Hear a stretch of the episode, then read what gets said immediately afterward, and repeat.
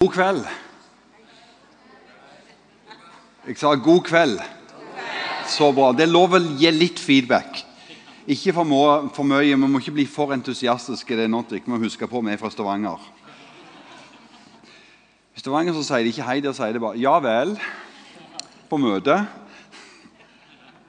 Det er så herlig, altså. Uansett hvor du kommer. 'Ja vel, Bjarne på møte.' Fine. Supert. Er det her, og er det her dere er, ja? Du, Det er nydelig å få lov til å være her. Tusen takk for Nå, jeg, nå er jo ingen av pastorene herrene. De er jo all gone, all way. Bare Gud vet hvor de er henne. Men i alle fall, så, nå er det vi som er her. og Jeg er utrolig takknemlig for å få lov til å være sammen i kveld. Å få lov til å dele Guds ord. Det er alltid nydelig. Jeg mener det er en menneskerett å komme til gudstjeneste hver søndag. Og jeg mener det er menneskerett for alle mennesker til å komme og ha ei kirke å gå i. Når mor og meg kjørte til gudstjeneste her i kveld, så takket vi Gud for at vi fikk lov til å gå til gudstjeneste. Jeg har verdens sprekeste ungeste mor på 78 år. Hun, er, eh, hun skriver, det er egentlig hun som starta å skrive bøker, for jeg tror hun har skrevet mange har du skrevet, mor? Fire bøker, ja. Så nå ligger jeg i, uh, nå trener jeg så bare det. Så neste bok den skal være ferdig det 1. desember. Nå skal jeg snart ta igjen mor. Det bra. For det var en tid i mitt liv der jeg følte meg som en mann som var innestengt i en kvinnekropp. Men så ble jeg født.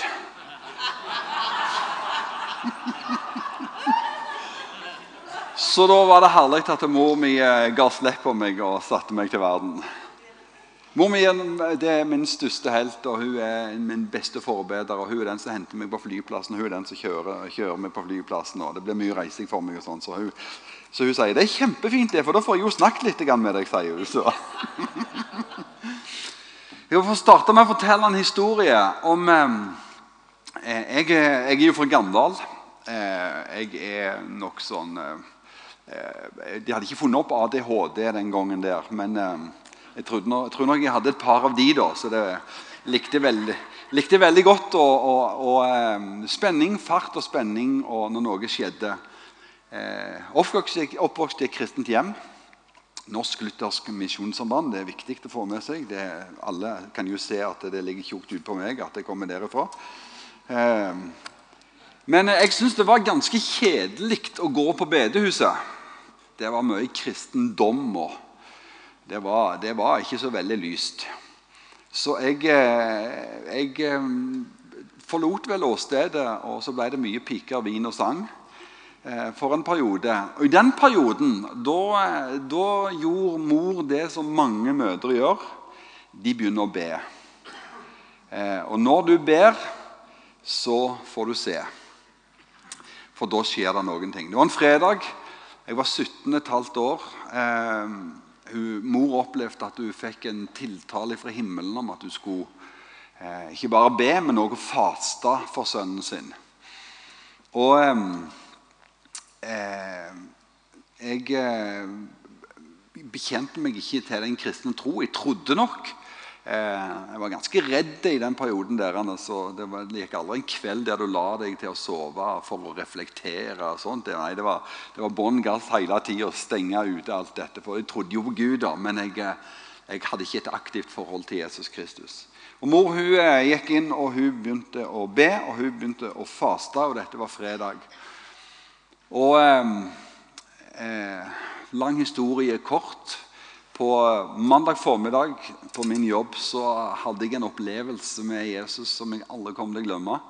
Da eh, gikk det så opp for meg at jeg er en evighetsvandrer. Og Da var spørsmålet hvor i all verden skal jeg tilbringe evigheten?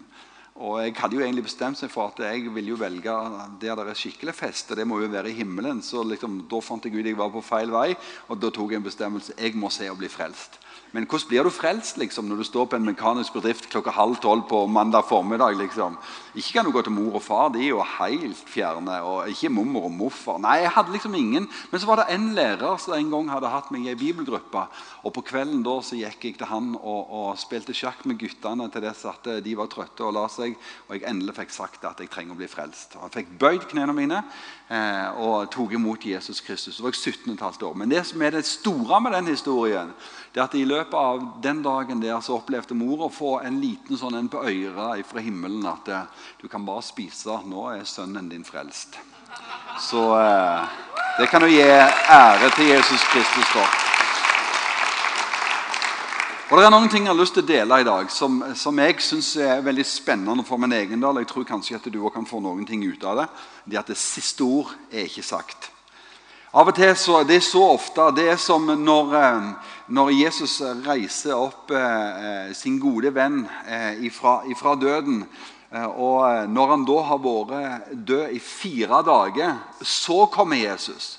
Og Det er en, der er, der er en sånn one-liner som vi sier, vi som tror på Kristus. det at Han kommer aldri for seint. Men han hadde jo vært død i fire dager. Og alle trodde nei, det er for seint. Det, det, er greit. Og vi ser Jesus han blir beveget, og han, han griner. og han, liksom, han, ønsker å vise empati. Men Jesus han taler til omstendighetene. Det som ser håpløst ut, det blir en forandring på. Og så ofte så trenger vi å ha tro, til og med når vi tror at alt håp er ute. Høres dette bra ut? Jeg må ha litt mer hjelp hvis jeg skal preke den preken. her. Høres dette bra ut? Ja, så bra, altså. Jesus, jeg takker deg for Ditt evige, levende og virkekraftige ord, Herre. Takker deg for Den hellige ånd som er her. Takker deg for at du, vi er blitt rettferdige gjennom å tro på deg, Herre. Herre, Nå ber vi om veiledning til å kunne tro og høre ditt ord på en måte som skaper forandring i våre liv, Herre. Ber deg for hver og en som opplever at alt håp er ute, Herre. På forskjellige områder. Jeg ber om at vi nå, når vi skal lese ditt ord sammen, at du kommer med din ånd, at du gir oss det inntrykk og innsyn og utsyn, Herre, så vi kan forstå hvem du er. I Jesu Kristi navn. Amen. Mm, hørte dere det? Mm. Men det er så bra. Det er så herlig. Du vet, har, vi har bort, Britt og meg vi bodde eh, en stund i Mexico. Og Det er litt mer latinsk enn hva vi er her. Og da er det, når, de, når jeg sier 'amen', så sier de 'amen'. sier de liksom. Men vi må ikke bli for entusiastiske. Ok, jeg skal snakke om Josef. Josef i Bibelen, i den første eh, bibelboka, i første Mosebok. Hans historie det er som er tatt ut fra et veldig bra filmmanus. Det har alle ingredienser. Det er piker og fristelser, det er baktalelse, det er familieplunder, og det er at han som eh, alle tror dør i et fengsel, han blir verdenshersker. Det er et utrolig bra historie med Josef. Og Jeg har lyst til å ta dette her inn i vår kontekst i dag og se på hva er det vi kan lære av, eh, av Josef og den, den, den gudsen han har til å gå gjennom de forskjellige sesongene i livet. Og tro på Gud, holde fast ved Guds ord og ikke gi opp. Og tale til omstendighetene og å være trofast mot Gud og de gavene som Gud hadde gitt ham. Eh, jeg vet ikke hvordan det er med deg, men av og til så opplever vi dette her, at det er ting som skjer i våre liv. og Alt håp er ute. Nei, det er over. og, og finito finale. Og. En gang så, så vi med et ektepar, og, og, og, de ville bare gå ifra hverandre. Og, vi var veldig spirituelle, så vi ba. og Plutselig så kom det tunge og tydning. det er noen ting som eh, ikke bare, Før var det bare pinsevenner som holdt på med det. Nå tror jeg det er flere venner også som holder på med dette. Herrene. Jeg tror faktisk det er så galt at pinsevenner har, har mista monopolet på disse tingene. Herrene. Iallfall så gjorde vi det. Og vi sa at aldri skal dere gå ifra hverandre. Etter hvert så gikk de fra hverandre. De eh, gjorde opp boet. og eh, Han bodde i det huset, og hun bodde i det huset, og de delte ungene og alt det de hadde. Men det var bare en kort tid før at de kom tilbake igjen til hverandre. Og Det er noen ting med det der å ta og ha håp, til og med når vi ser at håpet er ute. At vi aldri gir opp. Og i... Um, når Vi skal starte nå første, vi skal lese fra første Mosebok. Skal jeg se om at jeg greier å være venn med de på storskjermen. her, så skal vi se om jeg greier å lese på veggene sammen. Fra første Mosebok 37 og vers 2-4 skal vi se om jeg greier å lese de sammen. I dag. På møtet vårt. Det hadde vært fint. Hvis ikke så slår jeg opp i denne boka som jeg tok med meg for, som backup. Går det bra, unge mann? Nei, det går ikke bra. Det går ikke bra. Da går det veldig bra å lese ifra, ifra Bibelen. I første Mosebok kapittel 37 og vers 2-4. Og Der står det at Jakob står det, Eh, det står der eh, riktig, ja. Jakob ble boende i Kanan, det landet faren hans hadde bodd i som innflytter. Dette er Jakobs slektshistorie. Da Josef var 17 år, gjette han småfe sammen med brødrene sine. Som ung gutt var han sammen med sønnen til Bilpa og Silpa. Det er navnet på, på de da. Litt spesielle navn på den tida. Farens koner i flertall. Ok, Vi har ikke lyst til å snakke om det heller, men la oss komme til poenget her. Og alt det onde han hadde hørt av dem, gikk han til faren med. Israel elsket Josef mer enn alle de andre sønnene. For han hadde fått ham på sine gamle dager. og Derfor skal vi ikke ha sønner og døtre på gamle dager, for da får vi noen besetuter og noen som er gull, gulljenter. Vi skal heller ha barnebarn i Jesu navn. En dag skal jeg ha det. Eh, men uansett, Han laget en forseggjort kjortel til ham. Men da brødrene så at faren elsket ham mer enn alle de andre, la de ham for hat og kunne ikke si ett vennlig ord til ham. 17 år gammel, og det er en typisk familiekonflikt. Mor og far de favoriserer noen, og så begynner den ene å bese. og Så er det litt baktall, så så er det grupperinger i familien. Jeg vet ikke hvordan det var når alle disse her kom hjem på taco på fredagskveld. Liksom. Hvem som så, Hvor de så med bordet henne. og, og hvordan, hvordan, Har du noen gang opplevd det å ha tension i familien liksom, når det er uoppgjorte ting? Du har aldri opplevd det. Jeg husker en gang så at mor og meg hadde det sånn en gang, men det er veldig lenge siden. Det er tension. Men det som er poenget her, det er at Josef vokste opp med å være en gullgutt. Hadde spesialklær. Han, liksom, han gikk ikke på Dressmann og handla. Liksom. Det var liksom eh, det var, Jeg har ikke ord for det. altså. Det var, han reiste liksom på de beste butikkene, beste shoppingsentrene og fikk de beste tingene for skredderen og lagd.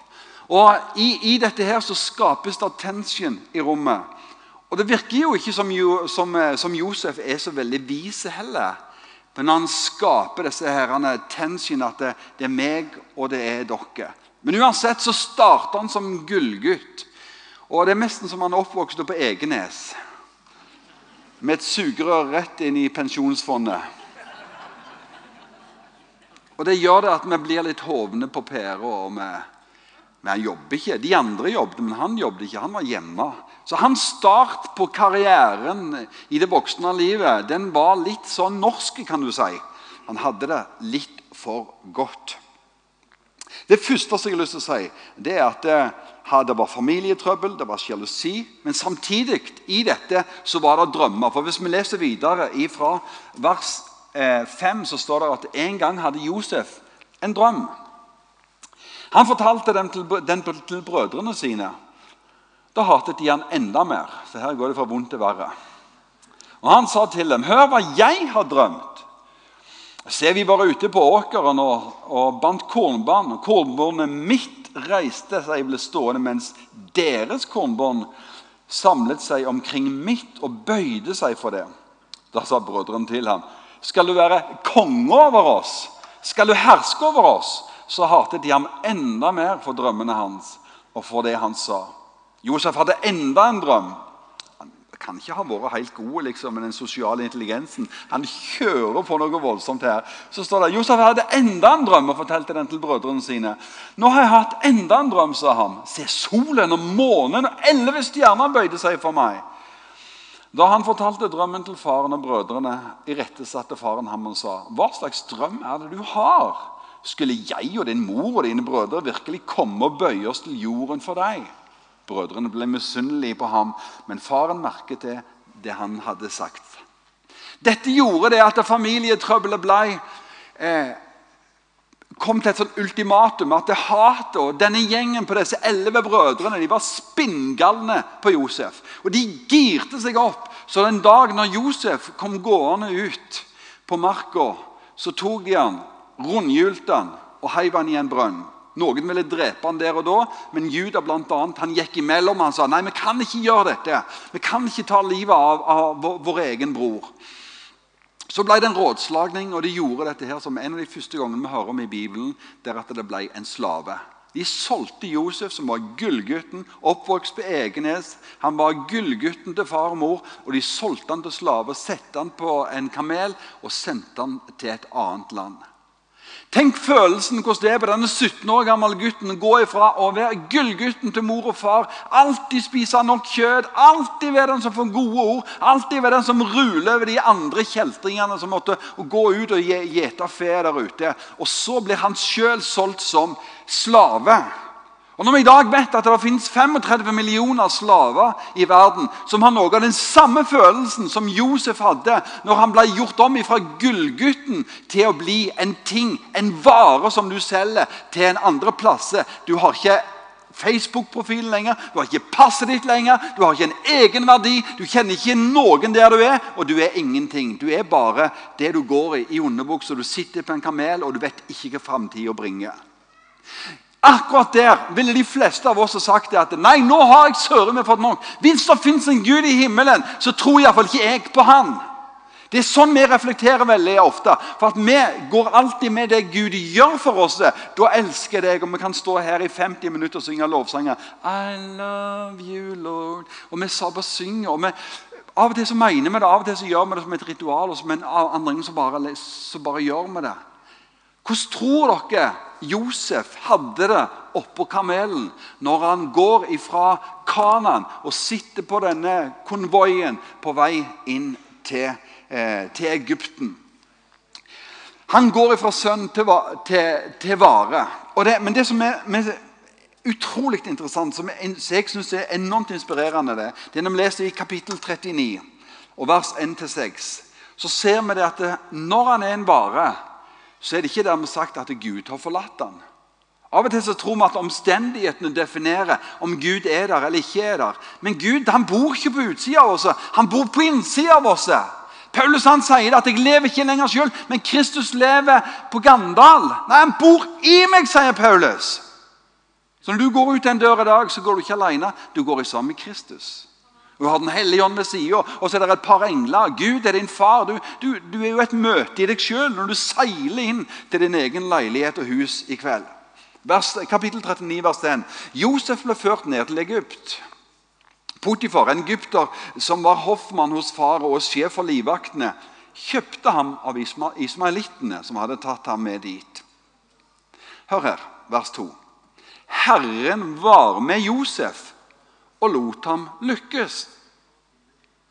Hvordan kan en fange, en slave, en vare lykkes?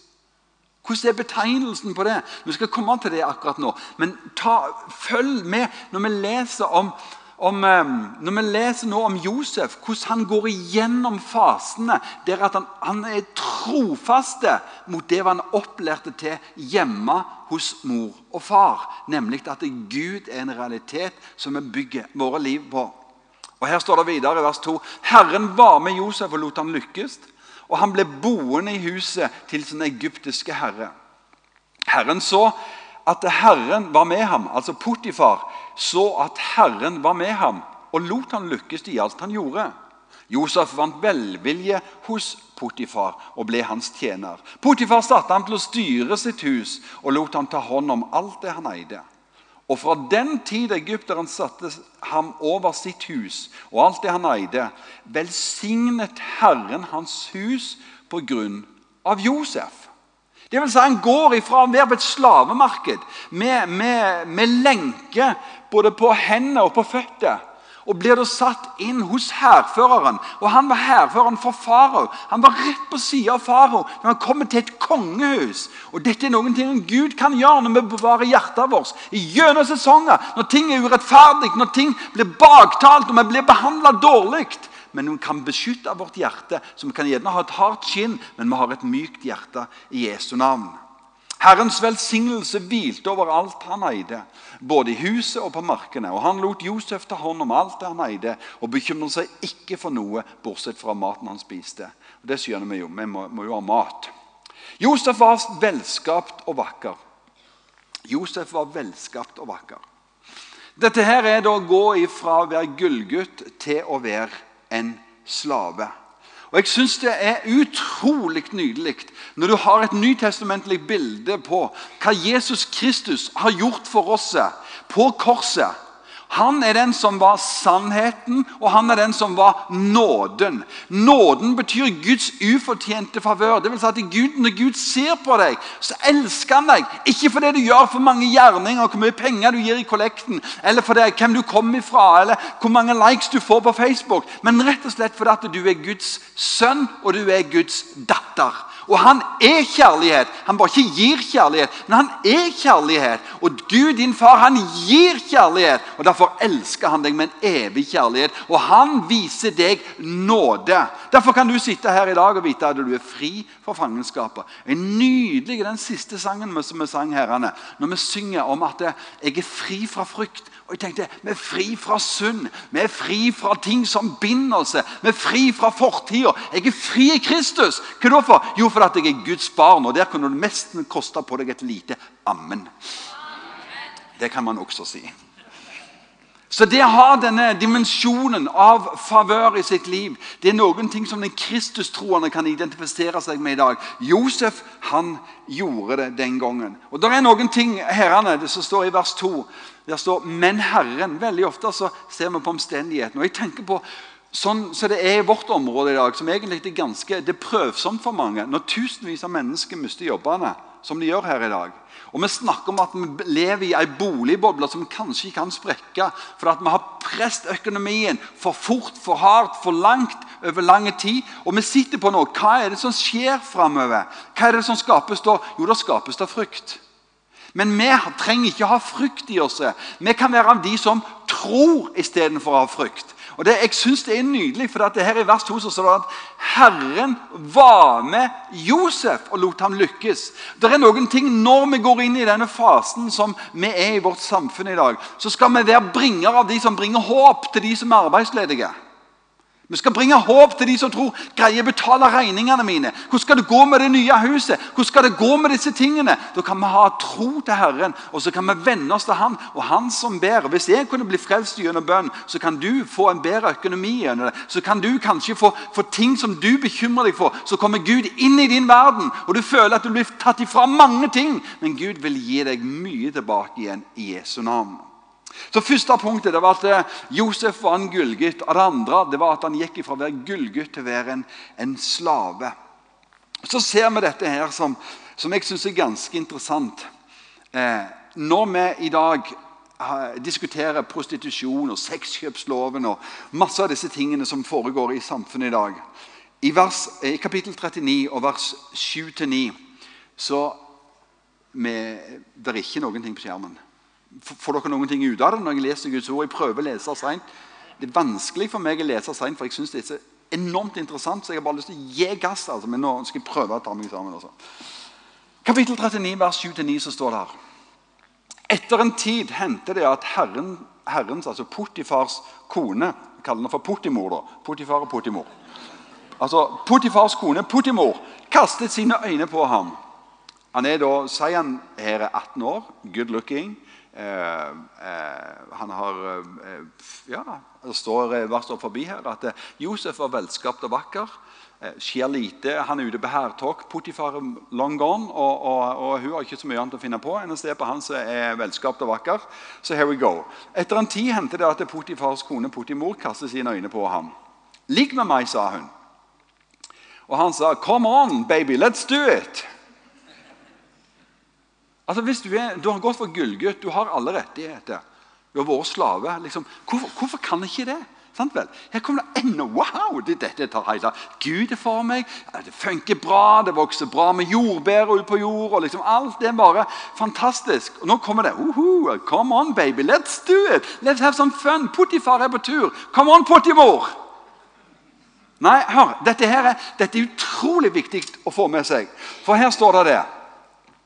Men han ville ikke og sa til henne Se, min herre Potifar trenger ikke bekymre seg for noe i huset. Han har latt meg ta hånd om alt. Han er ikke større i dette huset enn jeg. Han har ikke nektet meg noe unntatt deg, for at du er hans kone. Og så står det Hvordan skulle jeg kunne gjøre noe så ondt og synde mot Synde mot Gud? Av og til så tror vi at nei, da synder jeg mot Potifar eller Potimor. eller, Nei, jeg synder mot Gud. Og Dette viser at eh, Josef, midt i, midt i det glamorøse, har fått lov til å være alt samtidig til å være under åket av Potifar. Men han sier nei til mulighetene fordi han er karakterfaste. Gud hadde gjort noe i hans indre som dreier seg om å forstå rett og galt. Derfor er det ikke alle dører som åpner seg for oss, som vi skal gå inn i. Vi skal få styr indre styrt istedenfor ytre styrt. Vi skal ikke påvirkes av alle mulighetene som er rundt oss.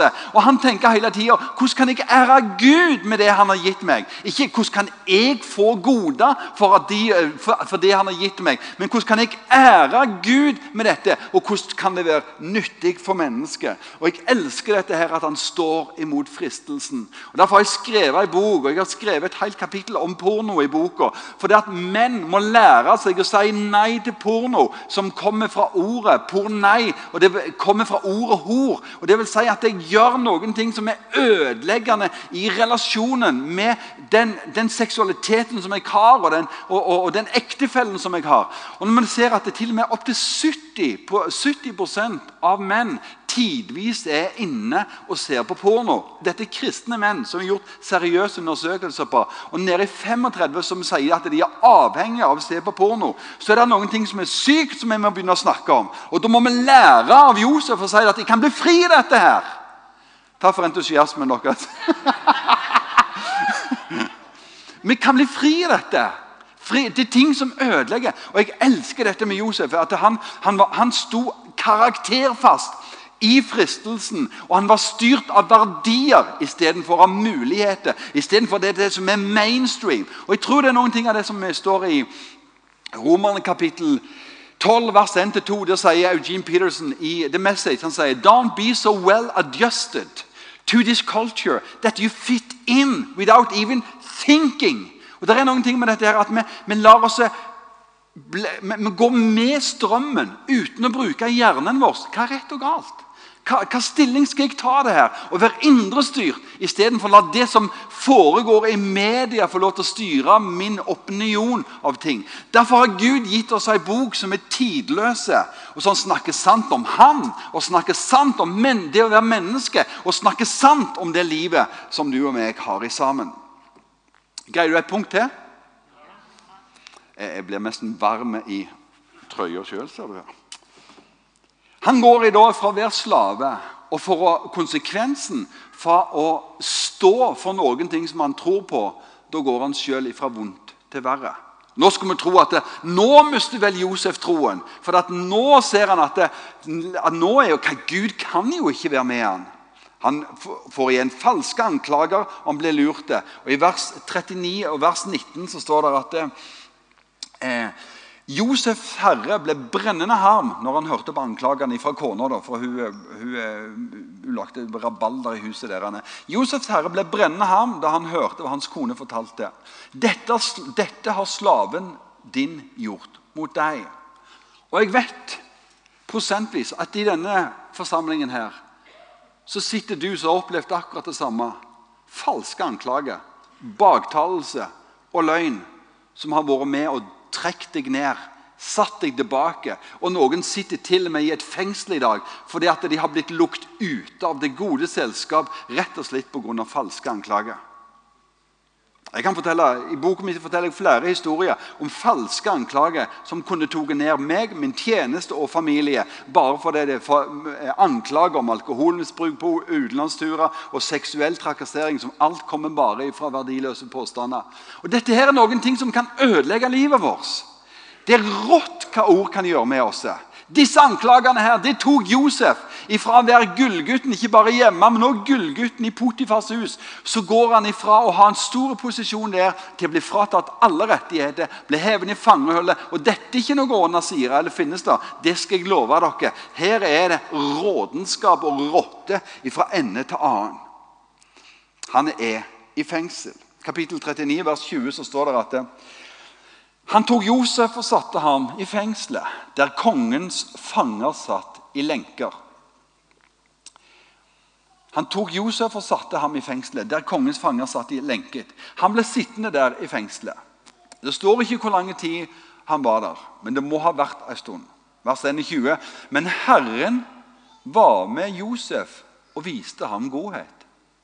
Så igjen opplever han det. Hjemme, i Potifars hus, til og i fangenskap. At det er ikke omstendigheten som betyr noen ting, men det er Gud som betyr noen ting. Gud kan komme inn i din situasjon der du føler deg aldeles alene. Enormt mange av oss og nordmenn som lever i et enormt rikt land, vi sitter der og så er vi ensomme. Veldig ofte så er det jeg, jeg, blir, jeg, blir, rørt hver gang jeg leser i avisa at det er noen som har dødd i sin egen leilighet, og det går ukevis før noen har oppdaget at de ikke er der. Det er usunt. Det er urettferdig, og det sier noen ting om et samfunn som ikke fungerer sånn som det skulle være. For Vi må se hverandre. Vi bør spise et måltid mat sammen med andre. Og derfor, Det som Josef opplever her, å sitte i fangenskap med lenkene, så opplever han igjen at Gud kommer til ham. Og Jeg håper at du skal kunne tro etter denne dagen her at uansett hvor du er gjennom disse forskjellige fasene, så er Gud hos deg. Kan være at du bor på Egenes og du, du, du, du nyter godt av, av pensjonsfondet. Det, det, kan godt være. Men det kan være at du er på ryggen mot et slavemarked eller at du har havna i fangehullet. Igjen, hvis du skjønner meg i disse metaforene. Det er noen ting med disse her forskjellige sesongene i livet vårt. Det som Josef ikke glemme midt i dette fangeholdet. Det er Guds velsignelse, det er Guds favør. Hva er det han opplærte til ved frokostbordet hjemme hos mor og far? Hva Gud er det? Er det en Gud vi har som bare er med oss i de gode tidene, eller den som er med oss når vi opplever sykdom, når vi opplever død, når vi opplever skilsmisse, når vi opplever å bli urettferdig behandla? Er Gud der da? Amen. Og Da drar jeg meg rett inn i siste punktet på min preken. Det er litt entusiastisk. Nå har jeg talt i 31 minutter og 39 sekunder. Får jeg det siste punktet òg? Du hadde vært tøff hvis du hadde sagt nei nå. Det, det er noen ting med som har vært viktig for meg å formidle. Det er viktig nå, spesielt i denne tida, der at dette området, om, området opplever en liten setback. Om at du opplever at det har vært setback i livet ditt, så vil Gud gi deg et comeback. Om du opplever at du har blitt satt tilbake, tatt til sides, opplevd urettferdighet Gud vil gi deg noe nytt i Jesu navn. To, året 2000 så begynte, så begynte det å forme seg en tanke inni, inni hodet på meg om at kanskje vi må gjøre, eh, kanskje vi må gjøre en ny menighet. For nye mennesker i en ny tid. Vi opplevde det at i den menigheten vi var, at vi vant veldig mange mennesker for Jesus gjennom Alfabeie. Alfabeie har for Brit og meg vært en utrolig velsignelse. Vi har vært her på konferanser, og vi har blitt profetert over. Jeg skjønte ikke alt som, som ble profetert, og som, eh, som jeg sa her om kunnskapsord. Jeg skjønte ikke bedre, men jeg skjønner det nå. Derfor tror jeg på kunnskapsord. absolutt. Det var en enorm berikelse for oss. Vi tok det vi lærte her i Jimi kirke, og vi adopterte det. Vi kjørte ungdomsalfa, vi kjørte alfa i mange år. Eh, jeg tror vi kjørte det i tre år. Masse kurser. Mange folk tok imot Jesus. Men for dem at de tar imot Jesus, så tar de ikke nødvendigvis imot det kristne fellesskapet. Og jeg fant at Det var et gap mellom det kristne fellesskapet og mennesker som var nye i troen. Og Da, da sier jeg vi må lage en ny kirke for nye folk i en ny tid. Så vi kan lage en kultur som avspeiler måten som de tenker på. Og Da starta vi med det. Og Da sa den menigheten som vi var i da, at det har ikke vi lyst til å gjøre. Og da... Eh, hadde vi forskjellige andre muligheter, hva vi skulle gjøre for noe, men jeg opplevde veldig tydelig Mor og meg vi var på et 50-årsjubileum etter mor sin far, min morfar, i Tanzania. Og Vi sto der ute under Afrikas himmel og vi snakket med en av bibelskolerektorene. Og Da opplevde jeg at, eh, at, jeg fikk en tiltale fra himmelen om at jeg skulle gå hjem og gjøre det samme av det som eh, morfar hadde gjort der ute for NLM. og Det var 16 000 mennesker som vi fikk lov å være med og møte en del av de når vi var der nede. Det var utrolig sterkt for oss å se hvordan frukt kan bli av liv som leves, og lever uselvisk og tør gå gjennom sesongene og si at Gud er god uansett. Mor har skrevet en bok om det. Det er dagens commercial. Du kan få kjøpe hvis du vil. Men i alle fall, når vi sto der under Afrikas himmel, så opplevde jeg å få en tiltale fra himmelen om at jeg gå hjem, og så starter du en ny forsamling som tar hånd om de som du vinner gjennom alfaarbeidet. Og vi bygde faktisk eh, Den nye kirka vår den bygde vi eh, på alfaverdier. Og det var starten av det som vi gjorde. De første årene som jeg opplevde, så gikk jeg gjennom mange av disse fasene som, som i dag leser sammen om, om, eh, om, om Josef. Der at eh, På den tida for tolv år siden når vi begynte å leke med tanken om å starte nye kirker, så var det ellevte budet du skal ikke starte nye kirker. Og når vi gjorde det, så opplevde vi at vi mista mange folk. Og jeg, jeg, jeg, var flink til å isolere meg sjøl, fordi jeg var usikker. Jeg husker jeg lå på kne og, og hørte om andre menighetsplantinger som familiekirke og, og, og sentrumskirke. Og det var mange millioner som ble frelst hver søndag, og det var så utrolig det som skjedde der. Og jeg, jeg ligger på kne, og så, og så sier jeg, Gud, har du virkelig sagt? Og var, Jeg var så nærme flere ganger til å si jeg orker ikke mer. I dag er intro i seks byer. Vi har ni gudstjenester over en, ei helg. Og Vi samler mye, over 1000 mennesker. Og vi sitter at det, mange hundre mennesker har kommet til tro. Your setback can be your comeback. Du skal ikke gi deg i den sesongen når du skal så. Jeg glemmer aldri den dagen den, vi var på det kuleste plassen. Vi skulle være så utrolig kule at vi gjemte til og med Jesus ned under stolen, for vi skulle være så livsnære og vi skulle være så utrolig flotte. Og Vi var på det tøffeste puben i Sandnes, eller vi var på Pakkhuset, som i dag er Sandnes Brygge. Og jeg syns det var hvert søndag var et helsesled. Og så en søndag så kom det en, en ung gutt som en annen hadde tatt med seg. og han ble med på team og var med og rigde lyd. og Etter møtet så sto vi der sammen. Og så, og så spurte jeg han hva forhold han hadde til tro midt imellom alle ledningene. Så sier han det at han, han hadde ikke noe forhold til tro og til Jesus. Og så sier jeg har du lyst til det. da? Ja, det, det kunne han tenke seg. Så står vi der med en lydtekniker og denne flyteknikeren som han var. Så står vi der og så ber vi frelsesbønn. Det tok halvannet år fra vi starta til vi var fram til den første ble frelst. Har jeg lyst til å si til deg om du går gjennom og opplever at du blir misforstått, baktalt Jeg håper ikke du har blitt solgt. Jeg håper ikke du har vært i fengsel. Men du kan ha vært i ditt lille fengsel.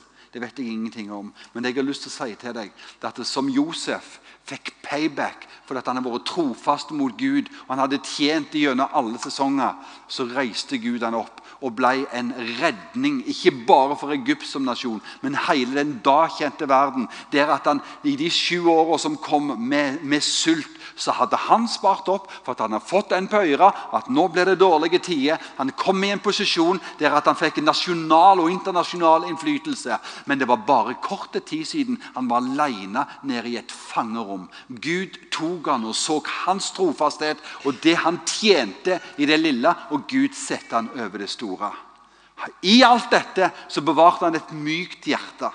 Det står ingenting om Potimar og Potifar og Potimor mer. Men det står om søsknene, om brødrene som kom hjem, og som han elsket, selv om de hadde solgt han som slave. I februar i år så, så var jeg i en av campusene våre. og I avslutningen av møtet så, så opplevde jeg å få et kunnskapsord. Så sier det er noen som sitter her som har hatt en trøblete barndom. Du opplever seinvirkninger av dette. Gud er hos deg. Gud vil, vil, helbrede deg, sier jeg. Jeg tenkte ikke noe mer på det før at jeg i mai fikk en lang lang mail fra ei jente som fortalte at den dagen hun hadde vært på intro og hørt på en preken som hun syntes var ganske kjedelig, og bare håpte at det snart var slutt. Og Når jeg da sier det at der sitter en person her inne, så kvekker hun til, og så retter hun opp hånda. Og Så ber vi for henne, og så trodde hun at det, liksom, nå skulle det skje. og Så fikk hun bare frysning istedenfor å bli varm. Og så tenkte hun ja, jeg bomma der òg. Men så, neste uke, så begynte miraklene å skje. Så begynte hun å kjenne at hun ble fri fra fortida.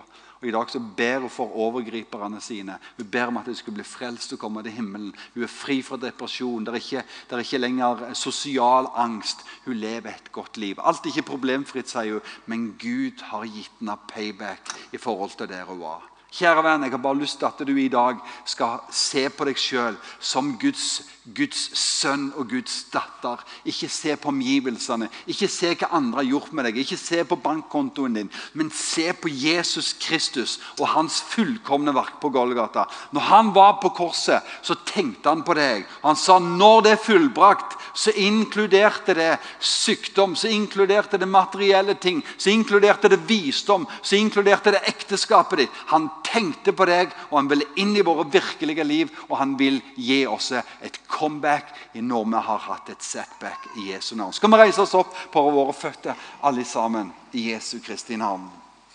Skal vi be? Jeg har lyst til å be ei bønn for deg som ønsker forbønn for det som livet ditt. Gjerne en respons på det som jeg har snakket om i dag. Musikerne dere kan bare komme opp. Prøv ikke å lure dere opp. Det kan bare gå. Vi ser dere uansett. altså. Jeg har lyst til å be for deg og din situasjon. Jeg vet ikke hva din situasjon er. Men det jeg vet er at Jesus Kristus han er mye større enn din situasjon. Og Kåre her på bønnemøtet før møtet i dag så sier han at vi har en Gud som kan gjøre mer enn det vi forstår og be han om. Derfor bør vi være kjappe til å respondere på når vi får muligheten til å søke Gud og invitere Han inn i vårt liv. Han er den som kan gi gjensvar på alle de løftene som fins i himmelen. Tror du på det? Kan jeg få se hvem jeg ber med nå? Og jeg vil se hånda di. Hvem skal jeg be for? Din situasjon, det som du går igjennom. Ta den høyt opp i Jesu navn. Strekk den til Jesus Kristus. Herre, jeg takker deg.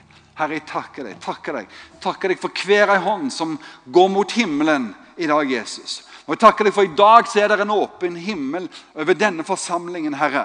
Takker deg for hver en kvinne og mann som har sin hånd rekka mot deg Herre, i dag. De kjenner du, de kjenner situasjonen. Du kjenner det vi går igjennom. Du kjenner det som er vanskelig. Du kjenner frustrasjonen. Du kjenner det som er, er urettferdig. Du kjenner det som, som vi ikke liker, Herre. Men så takker jeg, Herre, for at det kan bli et comeback, Jesus Kristus. På samme måten som du kom ut ifra dødsriket, Herre, og du tronte inn i himmelen. For du har all makt og herlighet, Herre. Du har all makt i himmel og på jord. Du har òg makt til å gjøre helbredelse, til å gjøre utfrielse og til å gjøre alle ting nye. Jeg priser deg, og jeg lover deg for bønnesvar etter denne dagen, Herre, i Jesu Kristi navn.